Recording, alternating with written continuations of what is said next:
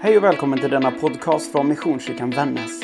Vi hoppas att den ska uppmuntra dig till att ta nästa steg i din tro. Om du vill ha mer koll på vad som händer hos oss, gå in och följ Missionskyrkan Vännäs på Facebook och Instagram eller kontakta oss via vår hemsida www.missionskyrkanvannas.se. Välkommen hem hit. Välkommen på gudstjänst i Missionskyrkan Vännäs.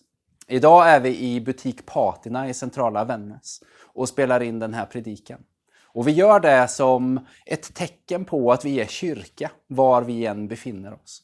Du kanske befinner dig i din tv-soffa just nu, eller kanske ute på en promenad eller på jobbet. Och där är du kyrka tillsammans med oss andra.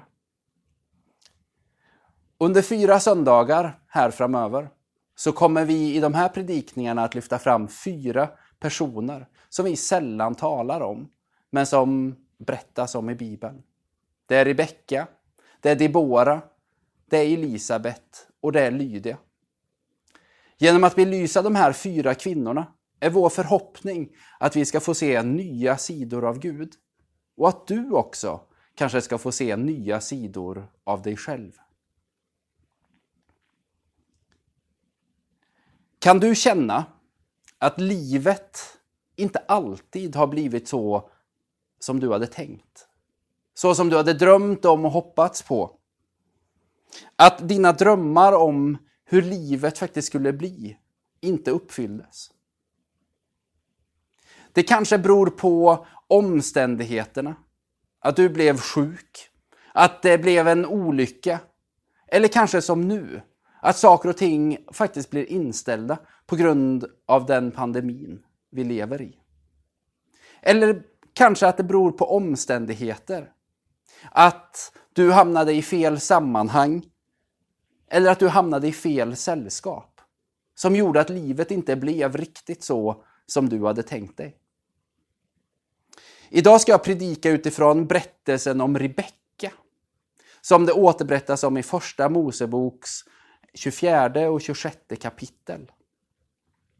Rebecka är en kvinna som verkligen verkar veta vad det innebär att livet inte riktigt blir så som hon har tänkt sig. Det berättas att hon har ett kämpigt äktenskap. Det berättas att hennes barn bråkar och till och med är ovänner. Och det berättas om att ett av hennes barnbarn blir våldtaget. Även om våra berättelser kanske inte liknar Rebeckas, så tror jag att vi alla mer eller mindre delar den där upplevelsen av att det inte alltid blir så som vi hade hoppats, drömt om eller kanske ens tänkt oss. Rebecka är en del av de stora patriarkberättelserna i Bibeln. Berättelserna om Abraham, om Isak och om Jakob. Rebecka, hon är gift med Isak. Hon är mor till Jakob. Hon är svärdotter till Abraham. Rebecka hon beskrivs som en vacker kvinna. Stark och självständig. Och när Rebecka gifter sig med Isak så har han precis förlorat sin mor, Sara.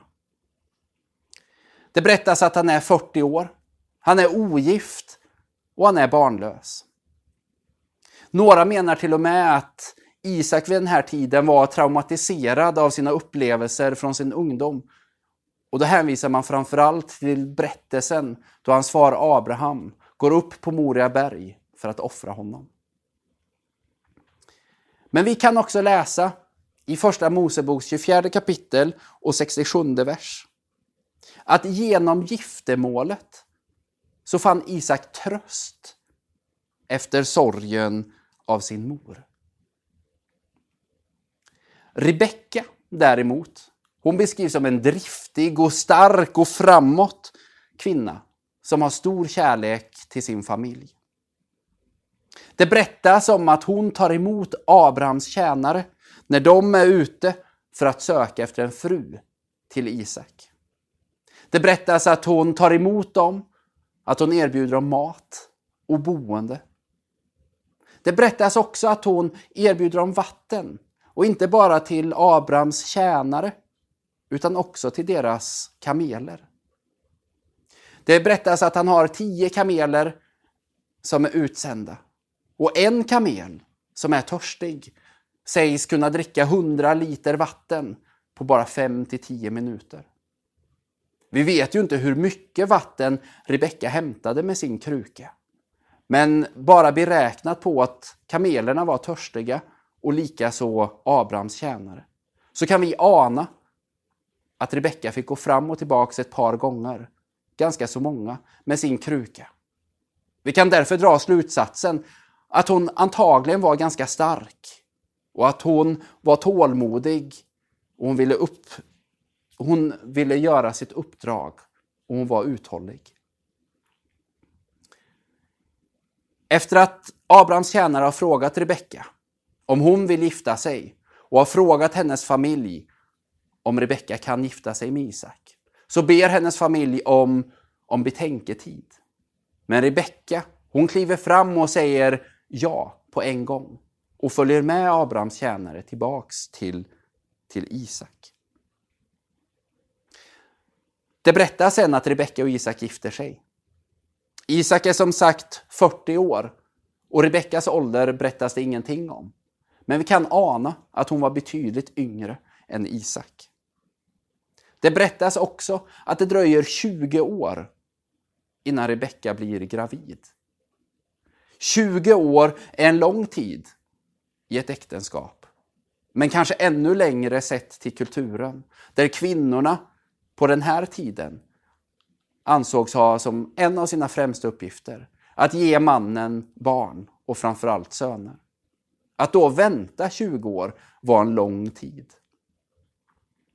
När hon väl blir gravid så berättas det att det är en jobbig graviditet. Redan i magen känner hon att det här är oroligt. Och så berättas det att hon väntar tvillingarna Jakob och Esau. De föds sedan, de blir ovänner och de bråkar. Och vi kan ana från allt det här att livet blev inte riktigt som Rebecka hade tänkt sig när hon den där dagen sa att hon ville följa med. Vi kan ställa oss frågan, hur stod Rebecka ut? En första liksom, grupp av skäl vi skulle kunna ange handlar om kultur. Att det var så här kvinnor på den här tiden levde och de visste inte så mycket annat. Att livet för kvinnor var tufft och det handlade bara om att anpassa sig. En annan kategori av anledningar skulle kunna sammanfattas med att hon inte hade något annat val. Hur skulle hon kunna förändra situationen? Utan det var väl bara att köpa läget. Men jag skulle vilja lyfta fram ett tredje skäl som jag tror är viktigt även för vår tid. Och det handlar om vikten av löften och att vila i löften och vila i en vision som är oss given. I första Moseboks 24 kapitel och verserna 57 till 61 så berättas det om när Rebecka lämnar sin familj. Och där berättas det att hon också får en välsignelse och ett löfte. Det står så här. Abrahams tjänare sade, vi kallar hit flickan och frågar henne själv. De kallade på Rebecka och frågade henne, vill du följa med den här mannen? Hon svarade, ja, det vill jag. Då lät de sin syster Rebecka och hennes amma följa med Abrahams tjänare och hans män. De välsignade Rebecka och sa till henne, Vår syster, av dig ska komma tusen sinom tusen. Dina ättlingar skall erövra fiendens städer.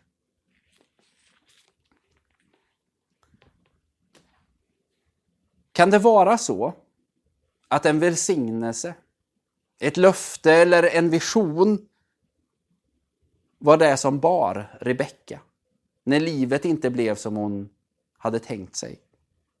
Att när hon kämpade så kunde hon någonstans vila i de löften, den välsignelse och den vision som var given henne.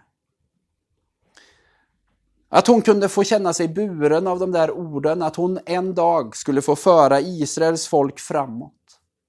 Eller att hennes ättlingar skulle erövra fienders länder och få bygga upp någonting nytt. För oss kristna har Guds löften genom Jesus Kristus samma funktion. De kan bära oss och i dem kan vi också få finna vila. De kan hjälpa oss att hantera våra liv när det inte blir som vi har tänkt oss. När livet blir svårare, tuffare eller annorlunda än vad vi har önskat och drömt om. Men löftena som Gud ger oss kan också få oss att fatta mod och stå upp för orättvisor och orättfärdighet. Eller när känslorna svalnar eller tanken blir stressad, ja, då kan vi få luta oss tillbaks mot löftena. Det handlar ju främst om att Gud har älskat oss först. Eller att Gud har utvalt oss, snarare än att vi har utvalt honom. Men Guds löften kan också få oss att lyfta vår blick. Att lyfta blicken från det som är mitt, jag och mig. Att Guds löften sätter in oss i ett sammanhang där vi också blir Guds barn och Guds medarbetare. Där vi får vara med och bygga Guds rike och Guds församling.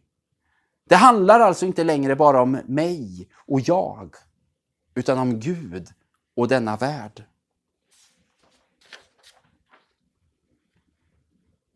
Livet blir inte alltid som varken du eller jag har tänkt oss. Ibland blir det till och med väldigt långt därifrån. Den erfarenheten hade Rebecka. Och den erfarenheten delar antagligen både du och jag.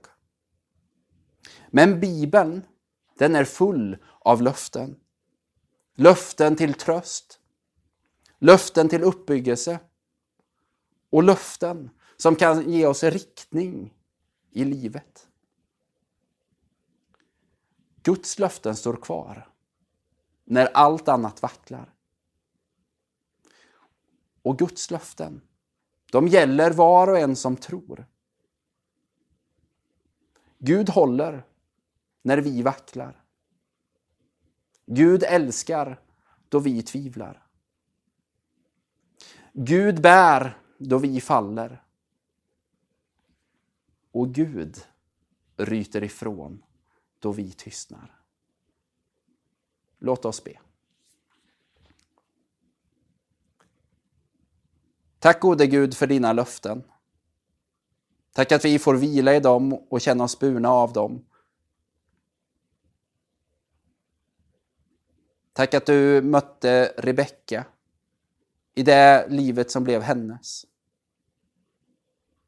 Och nu ber vi att du möter oss i de liv som är våra. Oavsett om de har blivit som vi har tänkt oss eller helt och hållet annorlunda. Tack att du har lovat att du är med oss alla dagar till tidens slut. I Jesu namn. Amen.